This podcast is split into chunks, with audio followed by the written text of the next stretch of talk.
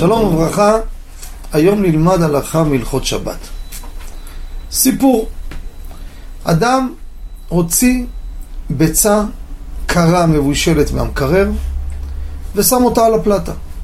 דבר מבושל זה נקרא מוצק, גוש נקרא יבש, אין בישול אחר בישול, אין איסור בישול בדבר מבושל, הוא רק מחמם את זה, מותר. אבל מה קרה? כשהוא הוציא את הביצים, הגברת נכנס לה פתאום ספק.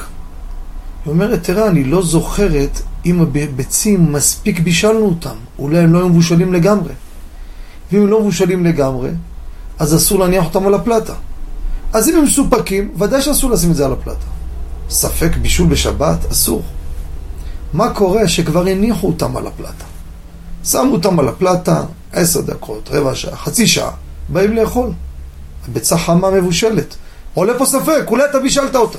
הגברת לא, בר... לא ברור לה שהביצים התבשלו לפני שבת, היא לא זוכרת, זה היה, היה בסיר מים על האש, על הגז, היא לא זוכרת כמה זמן. יש פה ספק.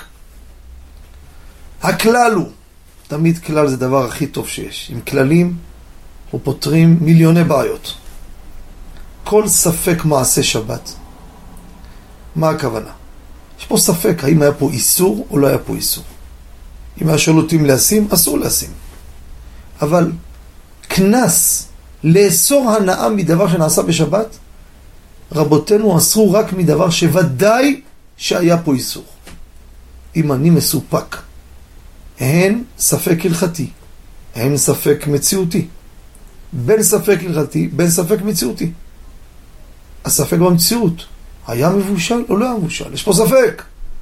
אה, ספק במציאות. נכון שאסור להניח את זה. אבל כיוון שיש פה ספק אם היה איסור, לאחר שנעשה המעשה, מותר ליהנות ממנו בשבת. תודה רבה וכל טוב.